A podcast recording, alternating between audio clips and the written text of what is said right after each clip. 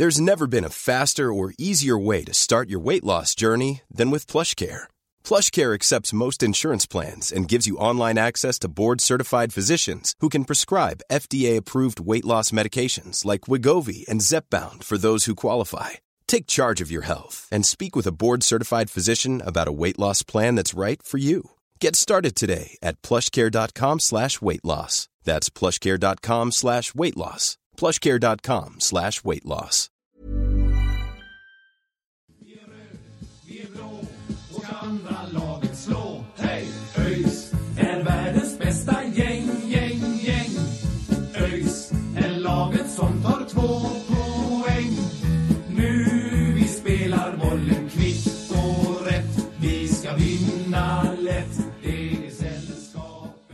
Då hälsar vi er eh, välkomna till avsnitt 104 av eh, Öjsnack. Eh, Sören är med som vanligt. Love är inte med idag utan han är ersatt av eh, GPs journalist Filip Troler. Välkommen Filip! Tack så hemskt mycket. Tack så hemskt mycket. Hur är läget eh, med dig idag? Du sa här innan att du hade varit iväg på lite semester förra veckan. Jajamensan, eh, jag är, jag är pigg och glad. Man, man kan ju inte vara annat med det här vädret också. Men eh, som sagt, varit en vecka på, på Gotland med familjen. Fick ladda lite ba batterier efter den här intensiva derbyveckan med både Häcken, häcken Blåvitt och på måndagen där och sen Gais ÖIS på torsdagen. Sen, sen drog jag till, till Gotland efter det och återhämtade mig. Ja men det är gött, det är gött. Ehm, och nu blir det ju lite, lite vila också då kanske från den här intensiva rapporteringen. Det är ju paus en månad. Eh, eller är det, är det full rulle ändå? Nej, men det kommer det ju bli. Eh, jag ska jobba några veckor till här, sen ska jag gå på lite, lite semester och så. Men man får ju möjlighet i, eh, i de här tiderna att kanske göra lite, ja, men lite längre jobb och lite större jobb och sådär som man har väldigt svårt att hinna, och hinna liksom under eh, typ som maj. eh, Otroligt mycket matcher. Ni som supportrar märker ju säkert liksom att shit, det var mycket ÖIS där och då, då har vi liksom Gais och Utsikten och Blåvitt och alla som körde på med ett jävla intensivt schema Eh, och Häcken med cupfinaler och grejer. Så det var, det var jävla full rulle i maj. Så det kommer såklart bli, blir mycket lugnare nu naturligtvis. Men eh, ja, så lite andra jobb och sådär. Men det är ju inte så långt uppehåll. Fan, början på juli, sen rullar vi igen. Liksom. Ja, ja det, känns, det känns ju som att abstinensen redan har börjat kicka in för egen del här. Eh, dess, dessvärre. Men eh, ja, tanken med dagens avsnitt är just att efter de här intensiva veckorna liksom, ta och köra en liten summering av eh, läget helt enkelt. Vi ska snacka lite ÖIS, vi ska snacka lite om vad ÖIS behöver förbättra och hur vi ska kunna jobba framåt hösten, vad som har varit bra och vad som har varit dåligt och så vidare. Och så kommer vi också snacka lite om superettan och, och, och vår tanke är att lägga upp liksom, eh, lite awards kan man säga, ni som har lyssnat på våra våra årssummeringar har ju hängt med lite när vi har delat ut årets spelare och sådär. Och det är lite det temat det kommer vara också. Vi har lite olika kategorier där vi ska diskutera lite vem som har varit vad i årets säsong. Och tanken är väl egentligen att vi ska, att vi ska börja med ÖIS. Och eh, innan vi gör det så tänker jag att vi måste ställa samma fråga till Filip som vi ställer till alla som är med i podden. Eh, en riktigt klassisk fråga, Filip Troler. Kan du backa med släp? Ja, jag har hört den här frågan. Jag lyssnar på den när jag har tid och, och möjlighet. Så, så jag kände till att jag, jag räknade nästan med att den här skulle komma. Jag har Ja. fan inte backat med släp på evigheter, men eh, jag vill minnas att jag var ganska stadig på det ändå. När, när jag gjorde min farsa har lite släp och sånt där som jag har backat in genom en trång garageuppfart med sådär. Så ja, jag kan fan backa med släp. Så vill jag min, minnas det i alla fall. Ja, men det är imponerande. Det är, det är några som har svarat ja nu. Alltså. Det börjar bli fler och fler. Den som har varit mest självsäker hittills måste ju ändå vara Robin Wallinder, tror jag. Han var ju snickare, så han, han kunde sin grej. Han har fan backat med släp-aura den gubben måste jag säga. Ja, ja visst. Vet du. Han har full koll på hur man gör. Det, Ja, kommer Robin Wallinder och säger nu ska vi backa in släpet här, då känner man sig trygg. Det, så ja, är det Gött. 100 procent. Yes, men om vi, om vi går in på, på ÖIS då, om vi ska försöka sammanfatta i några kategorier, eh, så börjar vi, tänker jag, med vårens MVP. Eh, grabbar, vem tycker ni har varit årets mest värdefulla spelare för Örgryte? Om vi börjar med dig Filip där kanske. Är det någon som sticker ut? Ja, men det är ju... Alltså jag tycker ändå att det beror lite på hur man ser det. Man kan, man kan eh, göra lite olika bedömningar sådär.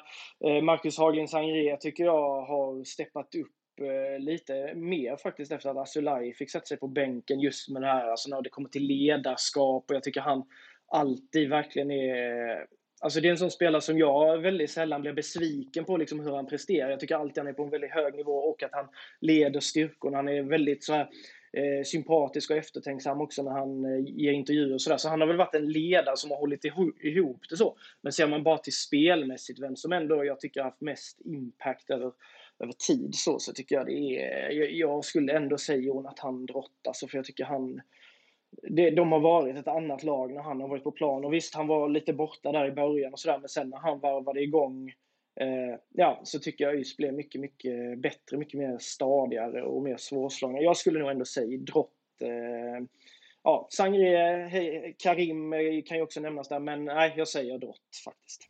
Mm, ja, det är ju en eh, fysisk spelare som verkligen har gjort avtryck sedan han eh, kom in i startelvan. Han var ju inte ens med på försäsongen, så vi hade inte tänkt så mycket på Jonathan Drott inför. Men när han väl kom igång, då var han väldigt vass. Marcus, vem skulle du välja där? Ja, men jag håller nog eh, med där skulle jag säga. Det, Drott, när han väl kom in så började vi, det var väl ungefär då vi började och, och liksom sluta eh, förlora och sen eh, hade vi en fin period. Eh, och sen när han, när han inte varit med nu de två senaste matcherna så har vi faktiskt förlorat så det finns ju en koppling där också. Eh, men sen eh, såklart Sangré är ju jag tycker Sangré är någon man, man, kanske inte märker av han sådär jättemycket i det vardagliga liksom i, i han gör inte de här jättespektakulära grejerna förutom någon gång när han kommer på någon soloräd liksom men eh, men han, eh, han är alltid stabil och står, för, står alltid för stabila insatser egentligen. Så eh, det är väl också de två tycker jag som har stått ut. Ja, jag är väl egentligen inne på, på samma två spelare där. Eh, Sangré som år efter år känns det som levererar på en väldigt hög nivå i en väldigt trygg punkt bakåt i, i ÖIS och så Drott som vi var inne på där också, en väldigt bra spelare. Sen så skulle jag ändå vilja slå, slå ett litet slag för, för Erion Sadiko också. Jag tycker att ända sedan han lämnade bänken och kom in i startelvan för första gången så har han växt väldigt mycket och jag tycker att han har en förmåga att styra och ställa på mittfältet som Drott också har, eh, som har varit väldigt stark och sådär. Så, eh, det är väl de tre jag tänker är de, de, absolut bästa, men ska jag välja en så får jag nog säga Sangrea. Så tittar man på våra defensiva siffror, framförallt mot slutet av, av våren här nu, kanske med undantag för Östersund, då, så, så är det ju väldigt starkt. Men eh, ja, tre spelare kanske där som, som sticker ut lite extra eh, och kanske framförallt då Drott och Sangré helt enkelt. Eh, om vi tittar på, på vårens överraskning, alltså en spelare som vi kanske inte trodde så mycket på inför men som ändå har växt mycket eh, under tiden här och under, under året. Eh, Filip, vem skulle du ta ut i, i den kategorin? För mig är det ganska, ganska självklart där faktiskt.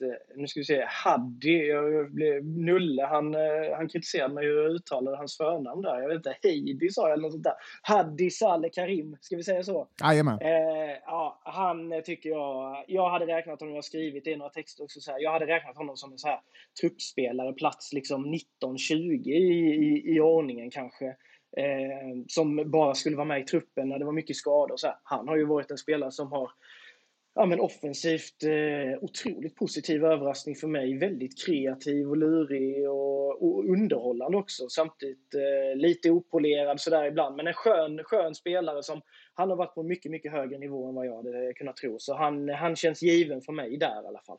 Mm. Ja, Marcus, är du inne på, på Hardy också? Ja, alltså det när han kom så var det ju någon som man knappt visste vem det var. Liksom. Eh, han hade väl en säsong bakom sig i, i elitfotbollen innan. Liksom. Eh, så det är klart att han har, har stuckit ut. Men jag skulle väl ändå vilja säga William Svensson. Jag är väldigt imponerad av hans, hans vår och att han har tagit sig an ett positionsbyte och så efter skadebekymmer i fjol och sådär. Eh, den såg inte jag riktigt komma. Att han skulle liksom ta för sig och bli så bra som startspelare som han har, faktiskt har varit. Ja, jag är, jag är väl också inne på William Svensson där faktiskt. Eh, var ju en spelare som, som, som vi pratade lite om i podden i början av säsongen och som vi inte alls trodde på, men som, som började rulla igång otroligt fint där, eh, mot, framförallt mot slutet av sommaren och gjorde en jättefin match mot Sundsvall om jag inte minns fel. Var otroligt stark den gången. Eh, sen är ju Habis resa en stor överraskning. Men, men jag hade ändå så lite på känn att Hadi skulle kunna få det i rullning just eftersom att man vet vilken grovjobbare det är. Liksom. Han har verkligen tagit kliv för kliv och sådär. De där typen av värvningarna känns ju som att de kan slå åt två olika håll, men vi har fått ut mycket fint av, av Hadi. William Svensson var en spelare som, som i alla fall jag tyckte jag kände till, liksom, och jag trodde ju inte riktigt på William som, eh, som ytterback där. Eh, i början av året. Men han har verkligen motbevisat mig och många andra och varit eh, otroligt duktig. Så eh, ja, överraskningar gillar vi, särskilt när de är positiva. Men eh, nästa kategori då, det är ju vårens höjdpunkt och jag antar ju på förhand att vi alla tre är inne på samma spår, men jag tänker ändå ställa frågan. Vad är vårens höjdpunkt, Filip? Ja, eh, ja det, går, eh, det går ju inte att svara något annat. Även, eh, även om jag tyckte Heidi där var självklar på överraskning så förstår jag ju William också. Det är fantastiskt eh, vilken utveckling han har fått. Jag såg honom på första träningen eh, eh för året och jag tyckte han var rejäl och jag tänkte fan det är kanske han som ska spela på centralt mittfält då. Så blir han vänsterback istället också gjort det jättebra. Bara flika in det där. Men naturligtvis är det väl eh, derbyt, tänker jag. Det är ju så otrolig laddning som det blir runt den här matchen. Och, och guys har ju varit jävligt upp, upphypade med, med rätta liksom och de har varit otroligt bra. Eh, ÖIS kom dit med stigande formkurva och, och, och, ni lyckades sälja slut på era sektioner och det blev en jävla kraftsamling och ett otroligt tryck. Och, och gör faktiskt en taktiskt helt fulländad eh, match. Det, det kanske har sprudlat lite mer om, om, om vissa andra insatser, typ Gävle hemma tycker jag är jättefin offensiv insats, jättefina mål och sådär. Men liksom styrkebeskedet i derbyt och ta ner detta guys på, på det sättet, eh, för mig är det givet liksom att det, det måste vara alla ÖISAs, eh, alla höjdpunkt under det här året och från mitt håll är det i alla fall det jag blir allra mest imponerad av hittills. Då. Ja, eh, för jag tänker du som, som, ju, som ju är lite mer opartisk än oss två, när du... Eh, lite, lite grann bara. Det kanske bor en öjsare i dig ändå. Men, eh, men jag menar, när du kollade inför derbyt och så, var du ändå ganska säker på kanske att Gais skulle ta det då med tanke på tabelläget och hur spelet hade sett ut? Eller hade du på känn att ÖIS skulle, skulle slå till?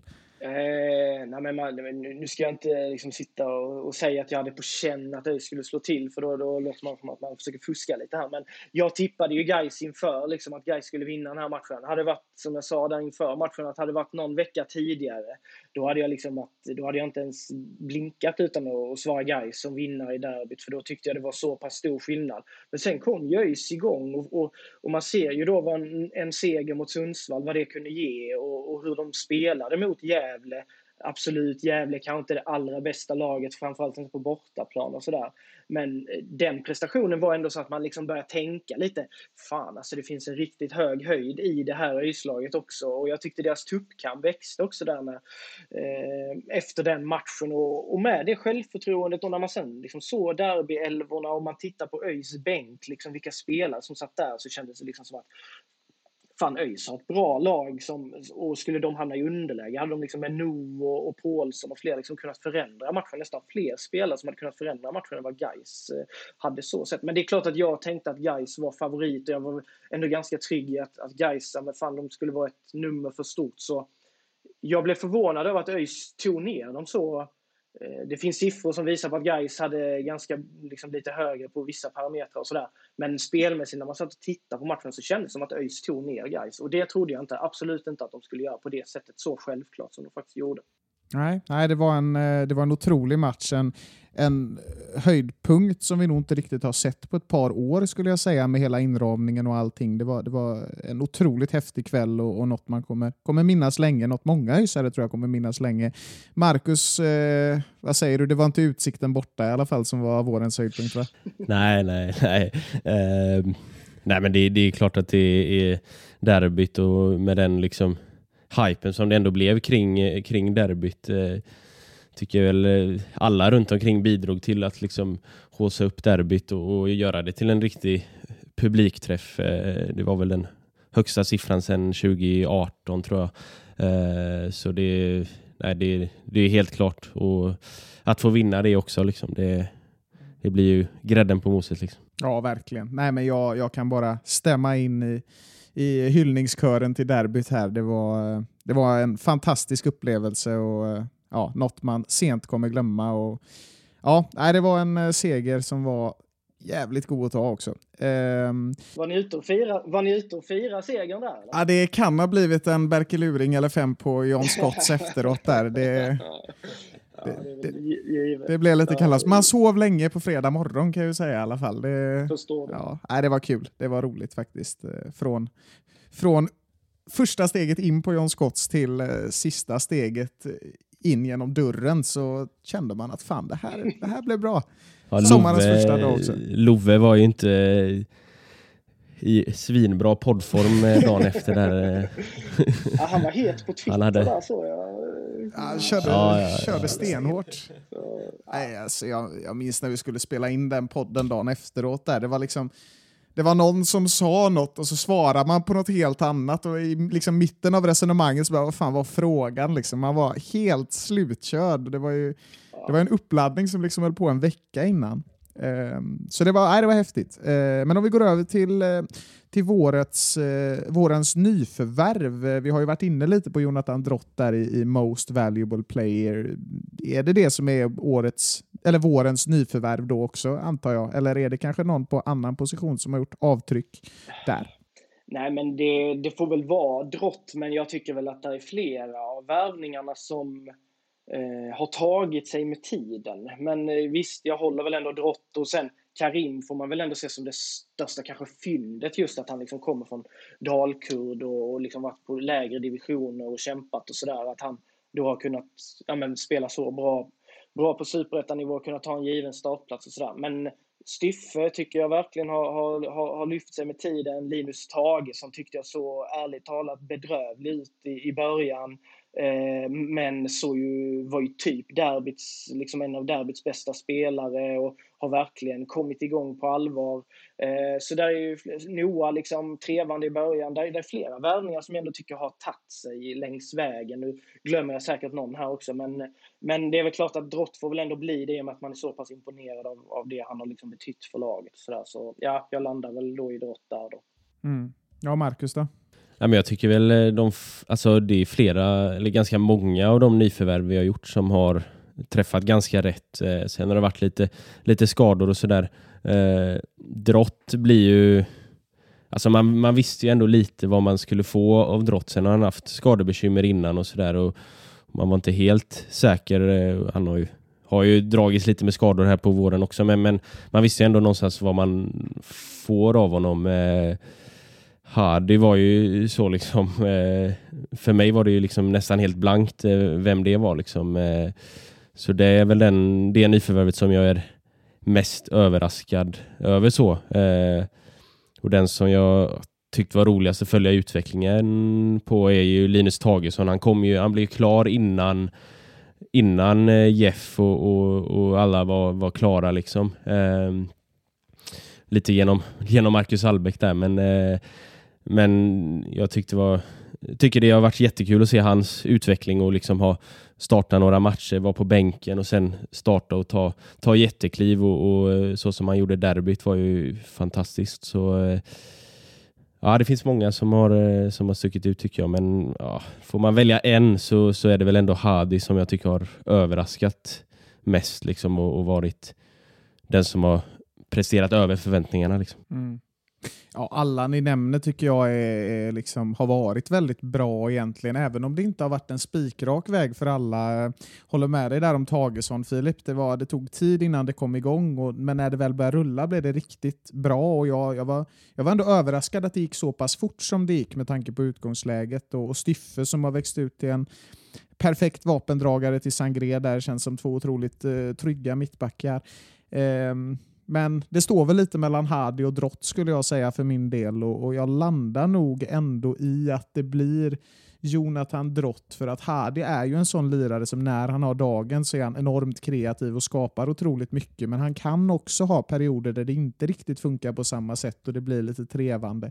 Eh, Jonathan Drott känns som att han egentligen aldrig riktigt har gjort en dålig prestation i ÖIS-tröjan. Han har känts extremt stabil hela vägen och, och varit väldigt tongivande i till exempel derbyt där då som, som blev en viktig match. Inte för att Hardy inte var det, det var han som gav oss segern, men, men Drott har verkligen varit en stabil kugge på, på ett sätt som de andra kanske inte har varit tycker jag under, under året. Så, så ja, mitt resonemang landar i, i Jonathan Drott helt enkelt. Man vet alltid vad man får av honom. Liksom. Ja, precis. Men det är också intressant det där med nyförvärven, att man, eh, man känner själv, ja, du vet man var sugen på att döma ut Linus Tagesson och bara tänkte, ja, floppvärvning liksom. Och, och Noah kan man ju också vara ärlig och säga att man var ändå, trots att han kom till lite chanser och sådär, så tänkte man, fan, är Superettan ett hack för stort för honom? Men nu har han väl, eh, nu har han ju mer att bevisa liksom, men nu har han ju ändå visat att det finns ju klass där målet han gör mot Gävle är ju, tycker jag, ruskigt läckert alltså sådär. Så eh, man, man eh, ja, både vi i media och supportrar kan ibland vara lite snabba med att döma ut spelare så här. Det, det kan ta tid i nya miljöer. Så så. Jo men absolut, så är det ju. Och, och, ehm, ja, Noah känns ju precis som du säger, alltså, jag har kanske inte skramlat igång helt än, men det börjar ändå rulla. Jag, det känns ofta, alltså så här, många gånger när ÖIS har värvat en tilltänkt målskytt så har det tagit nästan halva våren innan det har dragit igång. Lite så hade vi med, med Aidi när han kom eh, 2021 om jag inte är inne på fel år nu. Eh, det var ju liksom fem, sex matcher där det inte alls fungerade och sen kom han igång som bara den och det är väl lite den utvecklingen man hoppats på av Noah. Och det, det tar små steg men det känns ändå som att det är på väg mot något bra och utvecklingen pekar uppåt. Eh, om vi ska gå in på ett lite tråkigare ämne då eh, så, så går vi in på vårens fiasko. Där tänker jag att man får välja en match eller en spelare eller någonting som inte alls har klaffat i ÖIS i år. Det kan vara lite vad som helst, det är lite svävande fråga. Liksom. Eh, så Filip, tycker du det är någonting som har varit rent ut sagt dåligt i ÖIS 2023 hittills? Eh, Ja, jag tycker väl det, det, är ju ingen, alltså det är ingen spelare så som jag tycker förtjänar att bli hängd på det sättet som har fallit ur ramen mer än någon annan. Det, jag tycker det har varit mycket upp och ner på, på, på några gubbar och sådär. Eh, och jag, insatser, det är samma där. Det har varit, det har varit så här, ja men ta Utsikten exempelvis. Den starten ÖIS har på den matchen, den är ju helt jävla fenomenal. Liksom. Sen det de presterar i andra halvlek, det är däremot pinsamt. Så det har ju varit väldigt, eh, väldigt mycket upp och ner. Och så det, hade vi suttit här för några veckor sedan, då hade jag väl svarat kanske fasta situationer liksom, och, och hur de billiga, obegripliga, eh, liksom individuella misstagen. Eh, och, och det, om man ändå summerar vad stort, så kan det väl vara det då jag kanske landar i att de fortfarande har summa summarum så har de gett bort lite för mycket eh, defensivt, även om det har varit väldigt mycket mm, stora delar av de senaste matcherna som har varit stabilt defensivt, så tycker jag ändå att det, ja, det tog rätt många poäng och det liksom gav den här jobbiga starten som de finns. Så jag vet inte om jag riktigt hittar någon så eh, det är så jävla många matcher i mitt huvud här så jag, det, det, är möjligt att jag glömmer någon så här givet eh, riktigt svag insats. Men eh, ja, jag, får, jag, jag får nog vara lite diffus där. Men eh, de många defensiva enkla misstagen i början där tycker jag väl ändå, det, det, tycker jag är rimligt att vara besviken på. För det tyckte jag var under vad man kan förvänta sig i, i Superettan. Mm. Och Marcus då? Har du någon... Eh... Eh, nej men jag är väl inne på att Ja, in, inte, inte så att vi, själva matchinsatsen var, var dålig, men eh, så som eh, Landskrona-matchen slutade så, så blir det ju ett fiasko som, eh, som supporter. Liksom, eh, att vi har flera, i första halvlek har vi fyra, fem lägen att avgöra. Eh, I andra halvlek så har vi en ribbträff av Linus Tagesson och sen minuten senare så avgör Landskrona eh, i liksom 90 plus. Så det då, då mådde man inte bra efter det. Liksom. Nej, man tappar väl lite momentum där liksom för ÖIS. Hade de vunnit den, alltså de gör väl en bra eh, första halvlek och Landskrona, jag såg den lite så här med, med telefonen liksom så, så det är inte någon skarp analys men första halvlek tycker jag, det jag såg, gjorde de väldigt bra. Och där, tänk och vunnit den efter derbyt, liksom, då hade de skjutsat vidare så blev det istället två förluster. Så jag, jag förstår verkligen den besvikelsen, att det blev liksom en, eh, en baksmälla för er på det sättet. Ja, Nej, det, var, det var en tung match. Det var väl den, den mentalt jobbigaste matchen som supporter när man ser läge på läge. Och det, det, är liksom, det är inget som är direkt dåligt med det vi skapar offensivt. Det är bara det att det når inte fram hela vägen. Det är lite stolpe ut i, i alla moment på något sätt. Och, och, och, att dessutom tappa den sent är otroligt jobbigt och som du säger, där, man, man, man tappar momentum. liksom.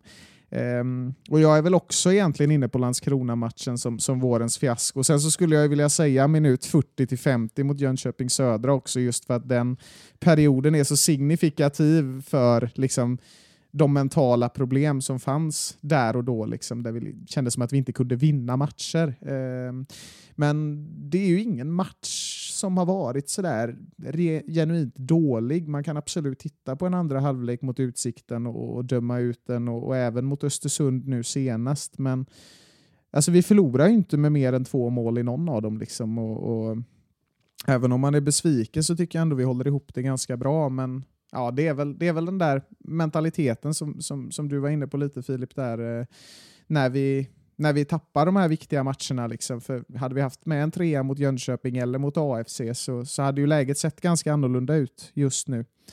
Ehm, men vi släpper fiaskodelen där, det är så jävla tråkigt att pr prata om eh, fiaskon. Så vi går över till, till vårens mål istället. Eh, och eh, har ju varit några riktigt goda mål under året. Uh, så det är något som sticker ut sådär. vad, vad tycker du Filip, årets öjsmål? Vilken skulle du välja då?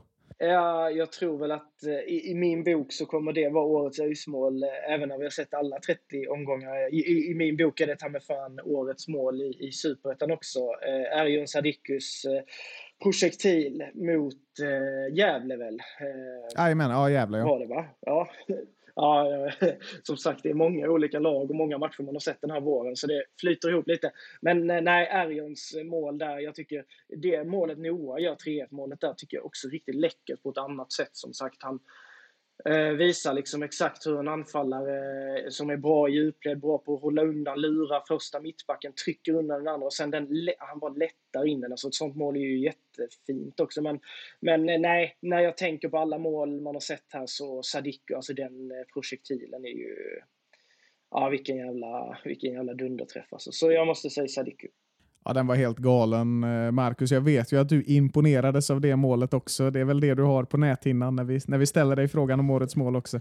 Ja, absolut. Alltså det, det är ju vårens mål i kanske hela superettan. Jag har väl sett ett par eh, snygga mål. Jag kollade häromdagen eh, om jag kunde hitta något snyggare än Erjons där, men det var ju det, det går inte. Det, det är, jag, jag tror vi, vi snackade väl om det i podden där efteråt, att det är väl ett av de snyggare målen man faktiskt har sett live. Det är, det är svårt att slå det, för det, från det avståndet och så som eh, så hårt som han, han får på den där. Liksom. Det, det är helt otroligt. Alltså.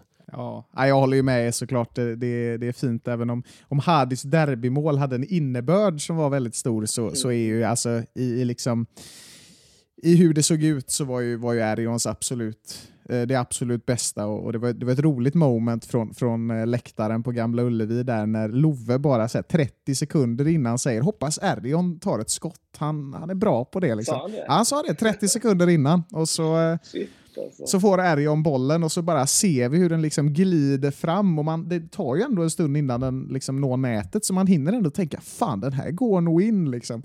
Och alla, hela Gamla Ullevi blev helt hysteriska. Särskilt Love, han var helt vild i två minuter efteråt. Vi fick liksom sätta honom ner på, på stolen igen så han kunde, kunde få andas lite. Nej, ja, var... men alltså de skotten, man, man tänker ju aldrig, de, det känns som att de aldrig går in liksom, utan det är alltid block eller högt över liksom. Så när, när, när sånt skott sitter så blir man ju, det är ju lite wow-känsla verkligen så, så över det. Och han, han berättade ju därefter att hans, hans farfar var väl för första gången och tittade på honom när han spelade i ÖIS också. Eller om det var morfar, jag vet inte. Ja, jag tror det som satt på läktaren live och såg honom på plats på Gamla Ullevi för första gången. Så det var ju ett ganska fint tillfälle då äh, att få plocka fram det målet framför, ja, om det nu var morfar eller farfar, jag minns inte. Ja, det är, det är fint. Jag var ju tvungen eh, där eh, gå ut eh, veckan efter och försöka göra ett sånt mål, men de gick ju högt över varenda gång så jag fick ju springa ut i buskarna och hämta den här. Liksom. Det, det är, det är, de går ju ofta liksom upp på läktaren liksom, så det, ja, det är sjukt att han ändå att han får ner den så pass att den bara sitter som en smäck där. Ja, för jävla tjusigt. Yes. Uh, ja, nej, det var verkligen något något, eh, något otroligt det där målet. Och, eh, ja, jag, jag ska vara ärlig med att säga att jag har inte sett alla i Superettan, men jag litar på er. Jag tror det är det, det absolut bästa. För det, eh, det var en riktig rackarökare som eh, Niklas Holmgren skulle sagt. Eh, om vi går in på sista eh, ÖIS-temat här då, eh, så är väl det vårens enskilt bästa prestation. Eh, kanske lite svårt att hitta någon, men är det någonting som kommer upp på näthinnan, om vi tänker en spelare som har varit sådär vansinnigt bra i en match. Eh, Filip, har du någonting som, som liksom du kommer att tänka på? Oh, den är svår. Uh... Eh, Mubarak Nour var jävligt grym de första 20 minuterna mot Utsikten tänkte jag på. Han, ja, fasen vad han var bra då alltså. Eh, men det blev ju inte något slutresultat där av det riktigt. Så Nej men alltså jag, jag tycker fan Tagessons derbyinsats, jag tyckte han var jävligt. Det, det, är nog den jag kommer på. Ska se om det är något längre tillbaka här. Nej, Styffe var också grym i derbyt. Ah, nej, men det, nej, jag tar, jag tar Linus Tagessons derbyinsats ändå. Alltså, jag tycker han var jävligt bra då. Eh, vi borde också ha haft Jonathan Drott lite högre. Jag tror vi gav honom en trea där i betyg.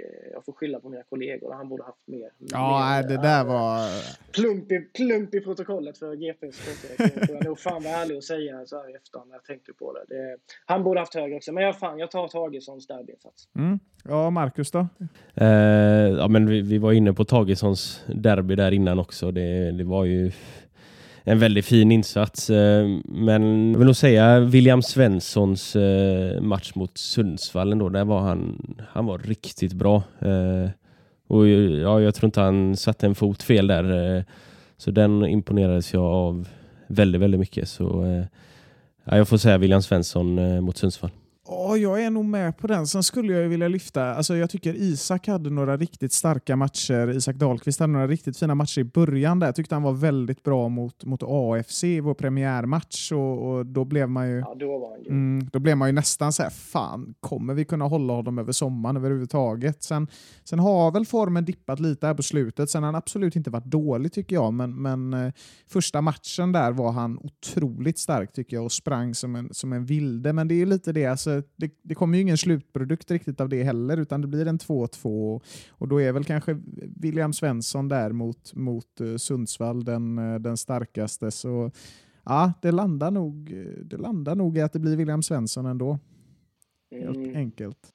Ja, men den är väl rimlig. Men Isaks premiär, var, han gjorde några tunnlar och sånt också. ja, han var helt vild. Liksom, ja, han, sa man kunde bara ge honom bollen liksom, så, så gjorde han vad han ville. Och lite de vibesen var det ju på honom i höstas också. Så, men eh, nej, jag håller med er där. Eh, han har dippat lite, men sen är han jävligt viktig alltid med sitt pressspel och, och, och liksom kvick och, och bollsäker och sådär. Så. Men eh, nej, William var grym i den Sundsvallsmatchen också. Så det är väl bra kandidater allihopa.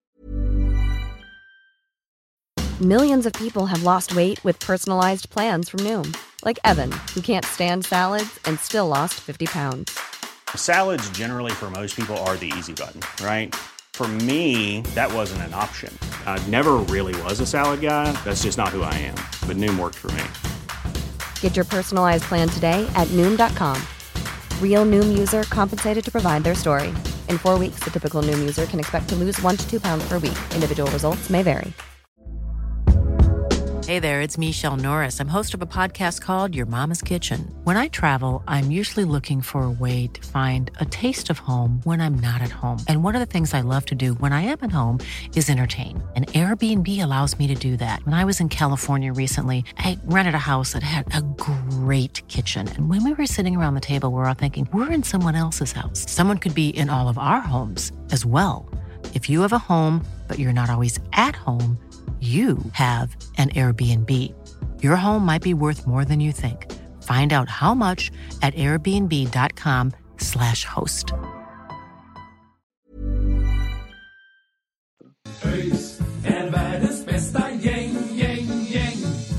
Ja, det låter väl som en, eh, en bra summering av eh, vårsäsongen. Eh, jag tänker om, om man blickar framåt, nu har det ju det har ju knackat lite här under våren som, som vanligt. Eh, får man väl säga numera. Det är väl tredje, fjärde året i rad som det, det knackar under, under vårsäsongen här. Eh, nu har vi väl ändå, ja, vi har ju betydligt fler poäng än förra året och, och kanske fler poäng än eh, våren 2021 också. Jag är inte helt... Eh, jag, jag vet inte, jag är inte helt säker på det. Men, men, det, 2021, ja. tror jag.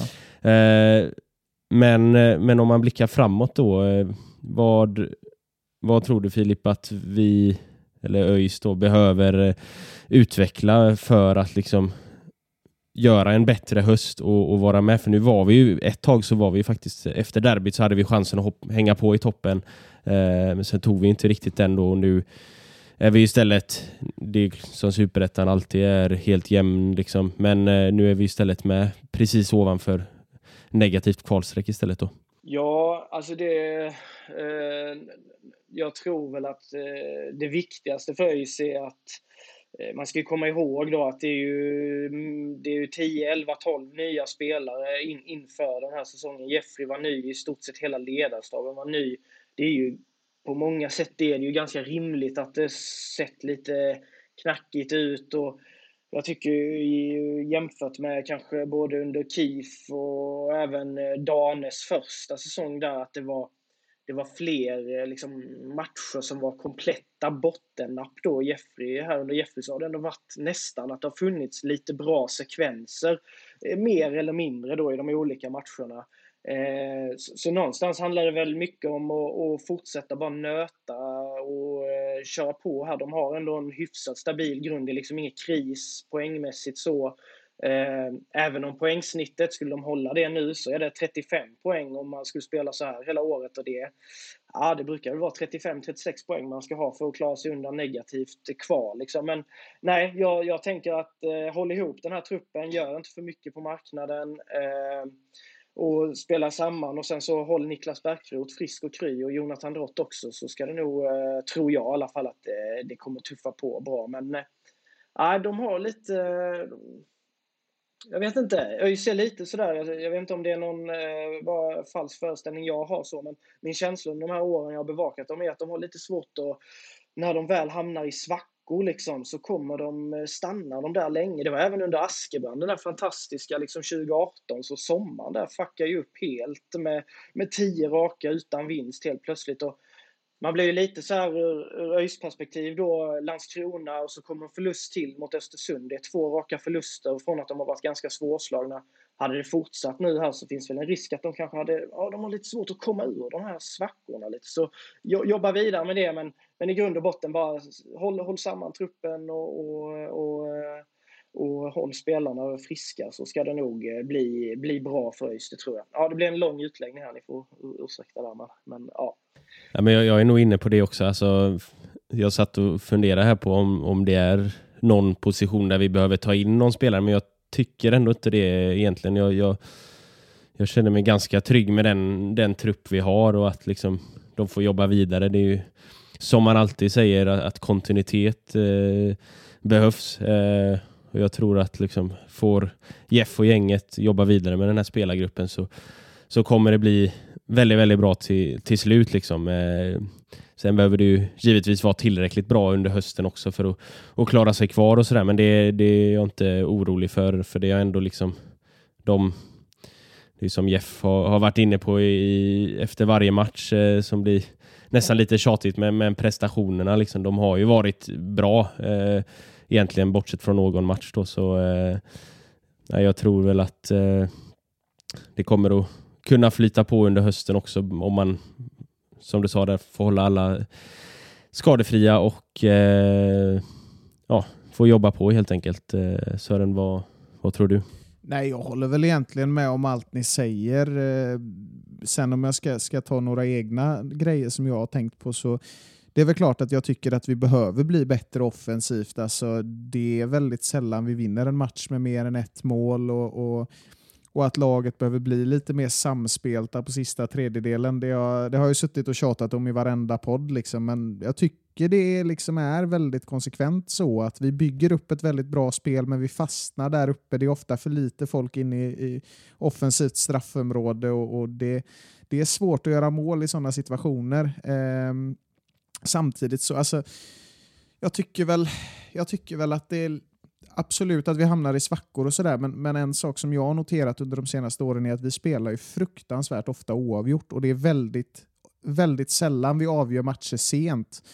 Eh, särskilt efter minut 80 och sådär. Vi kan absolut vända matcher tidigare. Liksom. Alltså, vi hade Halmstad förra året, liksom. där var det väl i och för sig en ganska sen vändning, men, men det är väldigt sällan vi, vi gör ett 2-1 mål i, i, i 91 minuten eller, eller så. Liksom. Så det handlar om att lära sig punktera matcherna också. Framförallt att kunna vända oavgjorda matcher till vinst. För att jag har ju räknat lite på det där. Eh, det är ju alltid svårt att sitta och räkna och säga att ah, så här många poäng hade vi haft, för det är så olika från match till match. Men om bara hälften av de oavgjorda matcherna de senaste åren hade kunnat vändas till vinst, då är vi ett topplag varje år. Och det handlar ju någonstans om, om att komma ur den mentaliteten, att, eller kanske snarare komma in i den mentaliteten att avgöra sent, för det är ju ofta det som som ändå gör storlag till storlag, att de alltid har under 90 minuter många lägen och kan döda en match. För där tycker jag vi är lite svaga.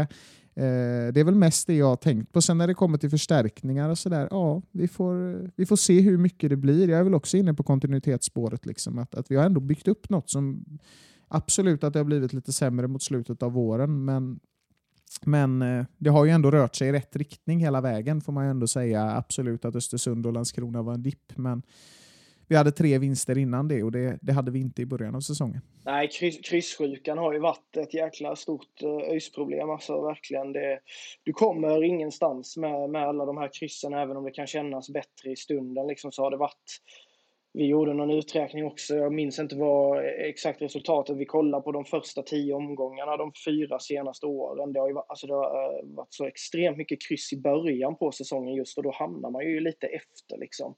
Eh, så där har du ju absolut en bra poäng, liksom att man måste ja, kunna omvandla det där och även kunna komma tillbaka och, och vända matcher. Så därför jag tycker ofta att de ser ju ändå Alltså fysiskt så tycker jag ÖIS ofta står sig väldigt bra i slutet av matcherna. Det är inte så att man känner att oh, shit, det här laget går på tomgång. De, är, de har ingen kraft, utan det är mer att de inte får, får till det. Det är egentligen J Södra hemma, då tycker jag de gör en fenomenal forcering. Liksom eh, som borde ha mynnat ut i något bättre än vad det blev. Liksom. Men annars har det varit lite som du är inne på där, det har varit lite tamt och de har lite svårt att få in folk i boxen och sådär. Så det Kanske någon spelare liksom som är lite boxspelare, Viktor Lundberg, borde kunna vara det och ha som inhoppare i slutet. Men för Noah blir lite isolerad just när man ska trycka på så där. Han är ju bättre när han kan komma med, med fart liksom så. Men annars har de ju många offensiva alternativ. Det är ju helt otroligt. Liksom Amel Mojanic, det känns ju som att där finns ett extremt eh, sparkapital. Och, och Niklas Bärkroth har ju faktiskt varit, när han har varit på plan så tycker jag det har varit mycket bättre synk i offensiven än vad det, vad det varit när han inte har varit på plan. Då, liksom. Så ja, det finns ju ändå väldigt mycket bra grund liksom, att bygga på, tycker jag. Jo men absolut. Eh, ska ju säga det med Berkerot också. Jag satt och kollade på det innan vi spelade in det här. Alltså, han har ju spelat fyra matcher, vi har vunnit tre av dem och det, mm. det säger ju en hel del. Alltså, han är ett sånt enormt tillskott när han kommer in på planen och jag tycker att ÖIS blir ett bättre lag bara av hans närvaro. Liksom. Så det är en spelare som verkligen kan vända trender och, och det här med sena avgöranden, alltså, det är väl lite den vinnarmentaliteten som, som vi hoppas att Jeff ska få med sig från Malmö som kan sätta någon form av prägel på att avgöra matchen sent. För att det är ju många gånger, Jönköping var en sån match där vi liksom trycker på och det känns som att snart kommer eh, avgörandet. Och det, det, gjorde det inte den gången, men väl, väldigt många gånger så är det så här, man sitter och väntar och väntar, men det kommer aldrig hela vägen fram. Det blir två halvchanser, men även om vi har mycket spel på offensiv planhalva så blir det lite att vi inte hittar igenom och så. Så kan det se ut en hel match ibland, men det blir väldigt tydligt på slutet många gånger tycker jag. Det är ofta det andra laget som parkerar bussen och inte vi också tycker jag. Eh, det är ofta vi som för spelet i slutet, men målen måste ju komma också någonstans. ÖIS är världens bästa gäng, gäng, gäng. Yes, eh, jag tänker om vi går över och pratar eh, lite grann om superettan också då. Det blir ju kanske inte lika djupa analyser, i alla fall inte från vår sida här med jag och Sören. Men vi har några kategorier där också, inte riktigt samma men, men lite grann. Eh, men vi börjar med eh, vårens MVP för hela serien. Nu vet jag inte hur mycket du följer Filip, eh, serien som stort, men har du någon som du tycker har stuckit ut under året här?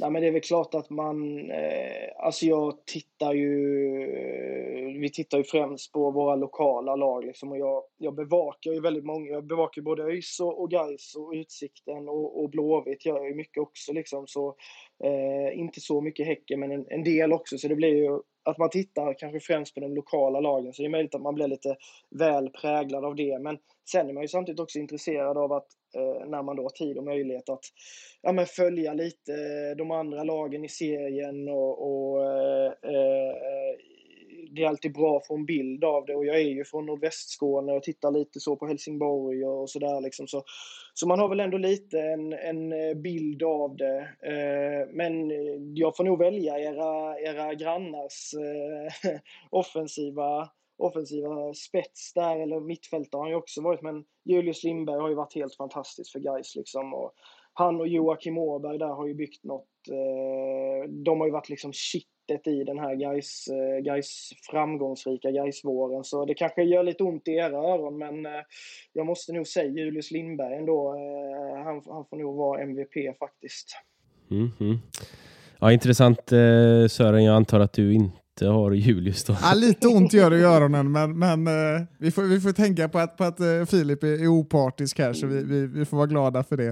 Eh, nej, jag har faktiskt inte tagit Julius Lindberg, även om jag också måste erkänna att han har gjort många fina matcher. Jag försöker att titta så lite jag kan på guys, men eh, jag har förstått att det är en spelare som, som är otroligt användbar och, och, och kanske det är väl bara en tidsfråga innan han kommer ta ett, ett snäpp upp i sin karriär från där han är nu. Ehm, men alltså, jag ska också vara ärlig med att säga att jag ser inte alla matcher i Superettan. Jag försöker se så många jag kan. Det brukar bli två, tre per omgång. Och, och en spelare som ändå har fastnat lite på min näthinna flera gånger eh, under den här säsongen, det är ju Pashang Abdullah i, i Jönköping Södra. Alltså, blivit överraskad över hur bra han är och hur många lägen han faktiskt skapar eh, i de matcherna jag har sett och eh, har ju tillsammans med Robin Book där framförallt faktiskt gjort Jönköping till ett lag som i alla fall vi två, Marcus, trodde skulle vara ja, men nästan cementerade i botten till att ha lyft till en, vad är det, femte plats, fjärde till och med kanske de ligger på nu. Så, mm. Ja, det är fjärde. Ja.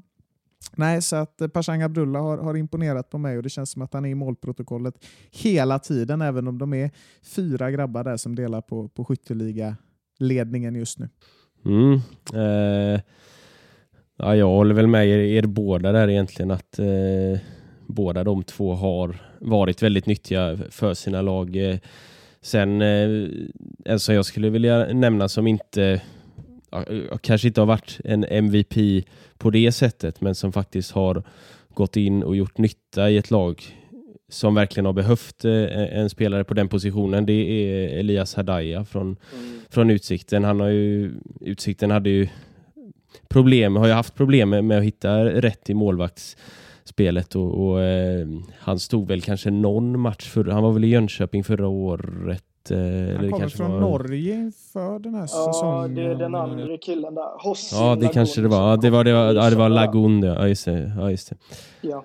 Ja, just det. Eh, ja, men han stod väl flest matcher på, på försäsongen där, Hossin, och sen har Hadaya gått in och, och gjort det bra. Eh, så eh, det får jag väl säga är, är min, eh, ja, min kandidat till era, era kandidater där. Ja, det var ju lite bättre än den målvakten som Utsikten valde att sätta in på försäsongen mot ÖIS. Jag vet inte om du såg den eh, Filip, där de, det var någon provspelare tror jag som stod i mål. Det var det var inte helt lyckat. Nej, jag har bara hört att det var en katastrofal insats. Eh, jag, jag tror jag var på Blåvitts träningsläger då eller någonting, så jag såg inte denna matchen, men jag har hört mycket om att det var riktigt uselt och det var ju hela deras höst var ju liksom det var ju katastrof efter att Johan Brattberg lämnade, gick tillbaka till Häcken från lånet där, så fallerar ju hela målvaktsposten för Utsikten och det spred sig i deras försvar, eh, den osäkerheten. Så jag tycker Hadaya är ett jäkla bra, bra namn.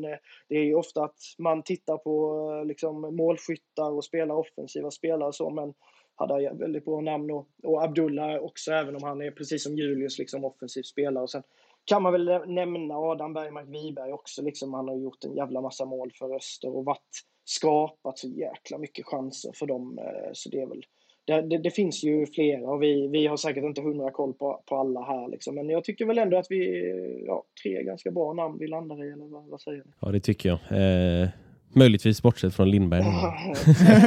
Försökte lura med er där. Ja, det var...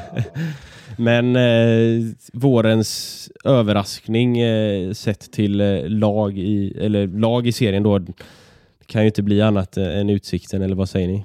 Nej, det går ju inte. Alltså det är ju, som jag sa i vår egen podd här, så det är, det är faktiskt helt ofattbart. Eh, absolut, Bosko, eh, han är av många spelare liksom uppskattad, bra lagbyggare. När han får lugn och ro och inte ballar ur med känslor och liksom tryck utifrån och sådär så är han ju en jäkligt eh, taktiskt och, och fotbollskompetent tränare. Och de har en stomme som har jobbat ihop ett tag med spets i form av Karl Bom, Alvin Skoglund och, och Falsetas typ liksom. Hadaya. Men, men eh, nej, det är ju helt, alltså det är helt sjukt. Och att de, de leder serien med, med fem poängs marginal också. Eh, de har en omsättning som inte är i närheten av de flera andra klubbar. Eh, ja, och att de spelar på Bavi. Alltså det är ju en liten kvartersklubb. Det är ju verkligen det. Det är ju inte bara...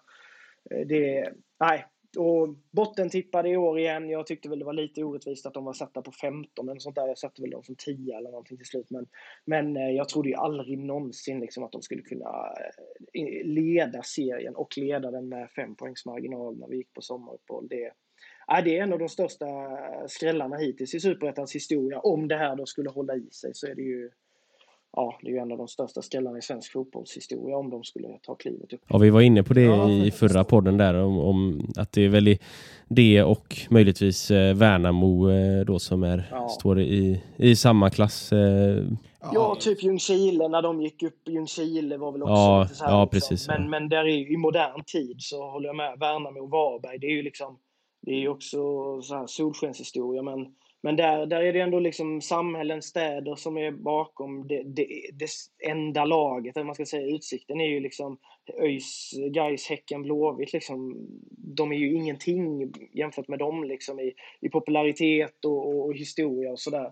Så det gör ju det nästan ännu mer liksom, att man lyckas slå sig fram som en sån outsider i, i en så stor och etablerad fotbollsstad som Göteborg. Det, Nej, jag, absolut, de är bra på att spela cyniskt och de är bra på att göra det man behöver vara bra på i Superettan. Jobba hårt och vara effektiv och sådär. Men det är ändå otroligt oväntat eh, att de är så högt upp. Ja, alltså hade någon sagt inför att, att Utsikten skulle vara där de är nu, då hade jag, då hade jag bara skrattat. Alltså, för det, nej, men det hade man aldrig kunnat tänka sig och jag menar alltså det är väl egentligen ingen klubb i modern tid, jag vet ju att vi var lite inne på i förra podden också, ingen klubb, alltså ingen kvartersklubb i modern tid som har varit i allsvenskan. Ja visst, du kan säga Brommapojkarna, men det är fortfarande en av, av, av de största akademierna vi har. Liksom. Den är enorm. Så, och jag menar Utsikten, jag har följt dem under ganska många år faktiskt. Eh, de, de kommer ju från Masthugget och jag är från Masthugget, så jag har alltid haft lite så ett extra öga på dem. Liksom. Eh, minns ju när de tog sig upp första gången 2014 där eh, och, och, spelade sin första säsong i Superettan och då såg det ut precis som man tänkte. Liksom. De åkte ut, de kom 15, det var, det var chanslöst. Sen när de etablerade sig igen där eh, inför förra året så kände man ändå att ja, men det kanske kan hålla. Det kan bli två säsonger den här gången. Ehm, och inför året så kände man att nej, men det blir ingenting. Men alltså de, de är otroliga och jag tror att det är ett fotbollslag som man kommer komma ihåg länge också just eftersom att de har ju en, en spelstil som inte är vacker men, men den är effektiv. Uh, och ja, hela historien runt Utsikten är nog någonting som, som jag tror kommer att kommas ihåg länge om den nu håller, vilket jag inte tar som fullkomligt omöjligt i alla fall. Nej, inte som det känns nu. Alltså just att de har hittat... Eh, de kan ju också bara spela helt avslappnat nu. De har liksom 29 inspelade poäng. Eh, de har ju råd att gå på lite minor och hamna i en svacka och sådär. Och då ska ju lagen bakom jaga på som fan liksom. Och, och typ som Gisa, där har jag svårt att se att de ska orka hänga med. Det är väl Öster och Gais och Västerås kanske som kan... Och säkert något som kan komma bakifrån så, men utsikten... Kanske ÖIS. Ja, kanske ÖIS. Ja, man vet fan aldrig med, men, nej, man vet aldrig med, med den här serien. Alltså. Men, men de har ju skaffat sig ett eh, fenomenalt utgångsläge, Utsikten. Och, ja, när man såg dem på försäsongen mot ÖIS, mot Gais, ja, det såg inte direkt ut som att det var eh, de blivande serieledarna man skulle se där då. Liksom. Sen, försäsong i försäsong och sådär. Men nej, helt otroligt det de har gjort. Ja, verkligen. Och, och de har ju... Deras mål har ju hela tiden varit att klara sig kvar och, och nu har de ju 6-7 poäng upp till det där på 18 matcher kvar. Så det, att de är kvar nästa år, det, det tror jag definitivt. Eh, Ja, det hade nästan varit en ännu större skräll än att de, att de går upp om de nu skulle åka ut. Det hade varit Ja. eh, helt, Ja, nästan, helt otroligt. Det hade varit Ja. sjukt. eh, hade ändå varit lite utsikten i ett nötskal på något sätt. Alltså det, ja, nej, fan, Ja, vi, kanske, vi får se. kanske. Ingenting går att ta för givet i den här ligan och det, det är någonting som vi alltid säger på alla uppsnack och så vi gör att nej, man kan inte ta någonting, eh, någonting så här, eller man kan inte vara säker på någonting i superettan men alltså har vi någonsin blivit så här förvånade? Jag vet inte. Alltså, nej. Nej, nej, jag tror fan inte det. Alltså, man har ju varit med där när Varberg och Mjällby gick upp. Då var de väl tippade 15 och 16 i, i tabellen på förhand. Det, är ju, ja, det säger egentligen det mesta, men ja, återigen att Utsikten skulle göra detta, det, nej, det kunde man inte se. Nej, nej, nej. Eh, men finns det någon spelare som har, har överraskat lite extra i år? Eh, jag tänker spontant på, på Utsiktens eh, skyttekung Lukas Hedlund som ja, förra året så var han väl inte alls eh, ordinarie, hoppade in och ut lite och sådär. Eh, och i år har han, nu har han väl sju raka matcher har han väl gjort mål i. Eh, det, den tycker jag är, är den största överraskningen som spelar i år. Eh, vad säger ni? Har ni någon annan som sticker ut? Nej, men jag får nog hålla med dig där. Så jag tycker det finns flera i Utsikten man skulle kunna nämna där som när man liksom med lite perspektiv tänker på det, Erik Westermark liksom gnuggar på, eh, var liksom aldrig så aldrig så något spektakulärt i Gais har harvat i Ljungskile eh, och har ändå gjort liksom 3 plus 2 här, eh, tre mål, två ass och varit jätteviktig spelare för dem. Alla Moiden som var någon slags truppspelare som flyttar runt i ÖIS och Gais och liksom aldrig så ut och kunna ta sig någonstans. Han har ju varit en jätte jättebra superettan-försvarare här så eh, ja, jag tycker det är flera, men Hedlund naturligtvis, alltså han, han ser ganska oskarp ut långa stunder förra året och de hade ju problem där med nummer nio-rollen och så nu har han gjort de här målen. Jag vet inte om ni såg det han gjorde mot Sundsvall eh, där han viker in och bara hänger den i krysset. Liksom. Det är ju, ja, det är ju ruskig klass på, på, på det avslutet. Så ehm, nej, jag får väl också någon i den trion där, Lukas Hedlund, Allan Moiden och Erik Westermark tänker jag väl kanske på då. Mm. Ja, jag smyger nog in en, en eh, Utsiktens spelare som vi redan har pratat om där i form av eh, Elias Hadaya faktiskt, som vi var inne på förut. Eh, var en målvakt som jag absolut inte trodde på inför. Jag, jag trodde det skulle Nej, jag trodde faktiskt det skulle kunna bli en riktig brakflopp, eh, men han har ju tvärtom varit jättestark. Så eh, nej, eh, Elias Hadaya var ingen jag trodde skulle bli kanske seriens målvakt efter våren. Det är, det, nej, det är helt galet. Ja men, eh, ja, men verkligen. Eh, jag tänker eh, sista kategorin som vi har här är vårens fiaskolag. Det finns ju några lag som har underpresterat eh, och det finns flera lag som har sparkat tränare och sådär men, men ja, vilka är, det dina, dina hemtrakter vi får, får åka till då eh, Filip eller? Ja, det är det va? Det är det va? Ja, det tror jag. Jo, de, eh, de har ju varit, äh, ja men det är ju under all, all kritik det de har presterat att komma ner från allsvenskan. Det är klart att man har sett många lag som har, har kämpat. Eh, det är inte så lätt att komma till superettan och bara studsa tillbaka. Eh, det, det har vi sett många gånger. Men för fan att ligga, ligga, ligga näst sist och eh, hade inför mötet med AFC, där nu vann de ju den liksom, men innan dess hade de ju en seger. Endast Skövde efter sig. Eh, det är ju pinsamt naturligtvis och ett jätte, jättefiasko. Eh, och även om det då är många etablerade klubbar i Superettan och som haft det jobbigt så måste ju Helsingborg eh, bli liksom vårens eh, fiaskolag i, i Superettan. I Allsvenskan finns det ju också några andra större klubbar som har, har lite tungt. Men, eh, men i Superettan får det vara HIF. Ja, det, det är väl inget annat än att eh, instämma där. Eh, Trelleborg började ju bedrövligt men har ju hämtat sig liksom och, och ja, det finns andra lag som har liksom faktiskt vänt lite på, på steken eh, och sådär. Vi, ÖIS, börjar ju ganska dåligt eh, poängmässigt i alla fall. Eh, sen har ju vi hämtat oss. Helsingborg känns inte som att de fick så stor effekt av, av sitt tränarbyte där. Eh, Sören, eh, har du något annat lag eller är det Helsingborg som har underpresterat mest? Ja, så det, det, är klart det är Helsingborg. Man kan, man kan prata om ett Skövde som faktiskt har sett genuint dåliga ut från match nummer ett och ett, ett Örebro som inte alls fått till det som skulle bli andra året de går upp. Men, men det är klart att jag håller med er om Helsingborg och absolut att vi var lite inne på det Marcus eh, inför säsongen att ja, det kan gå trögt i början och då vet du tusan vad som händer. Men att det skulle gå så här trögt, nej, det var ingen verklighet jag såg framför mig. Sen tror jag ändå att, att Helsingborg kommer att hamna över nedflyttningskval och allt sånt där. Men eh, det enda jag tänker på nu det är egentligen att det, det är jävligt fint om vi får säga Blåvitt när, om vi sitter, när vi sitter här om ett år och ska summera vårsäsongen. om inte vi är uppe i allsvenskan då.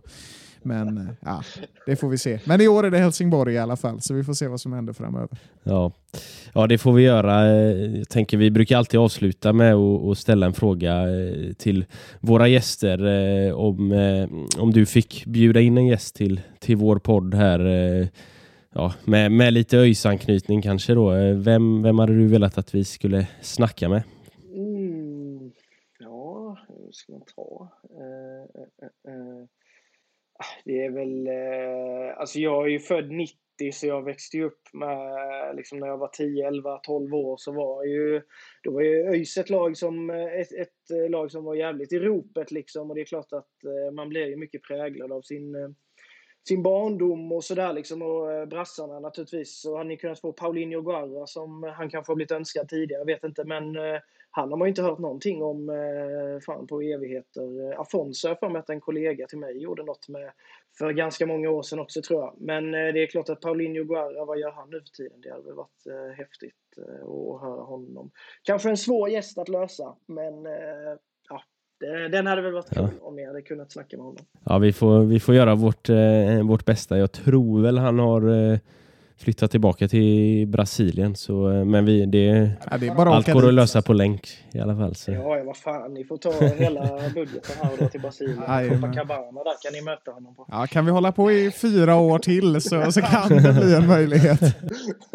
Ja, det låter bra. Ja, Okej, okay, men eh, då får vi tacka dig så mycket för att du var med Filip och eh, tacka lyssnarna för att ni har lyssnat helt enkelt. Och så så eh, hörs vi igen eh, nästa vecka då vi är eh, tillbaka med en ny podd. Då. Så fram tills dess så får ni ha det så bra så säger vi som vi alltid gör Sören. Mm. Ha det gött. Ha det gött. Hej.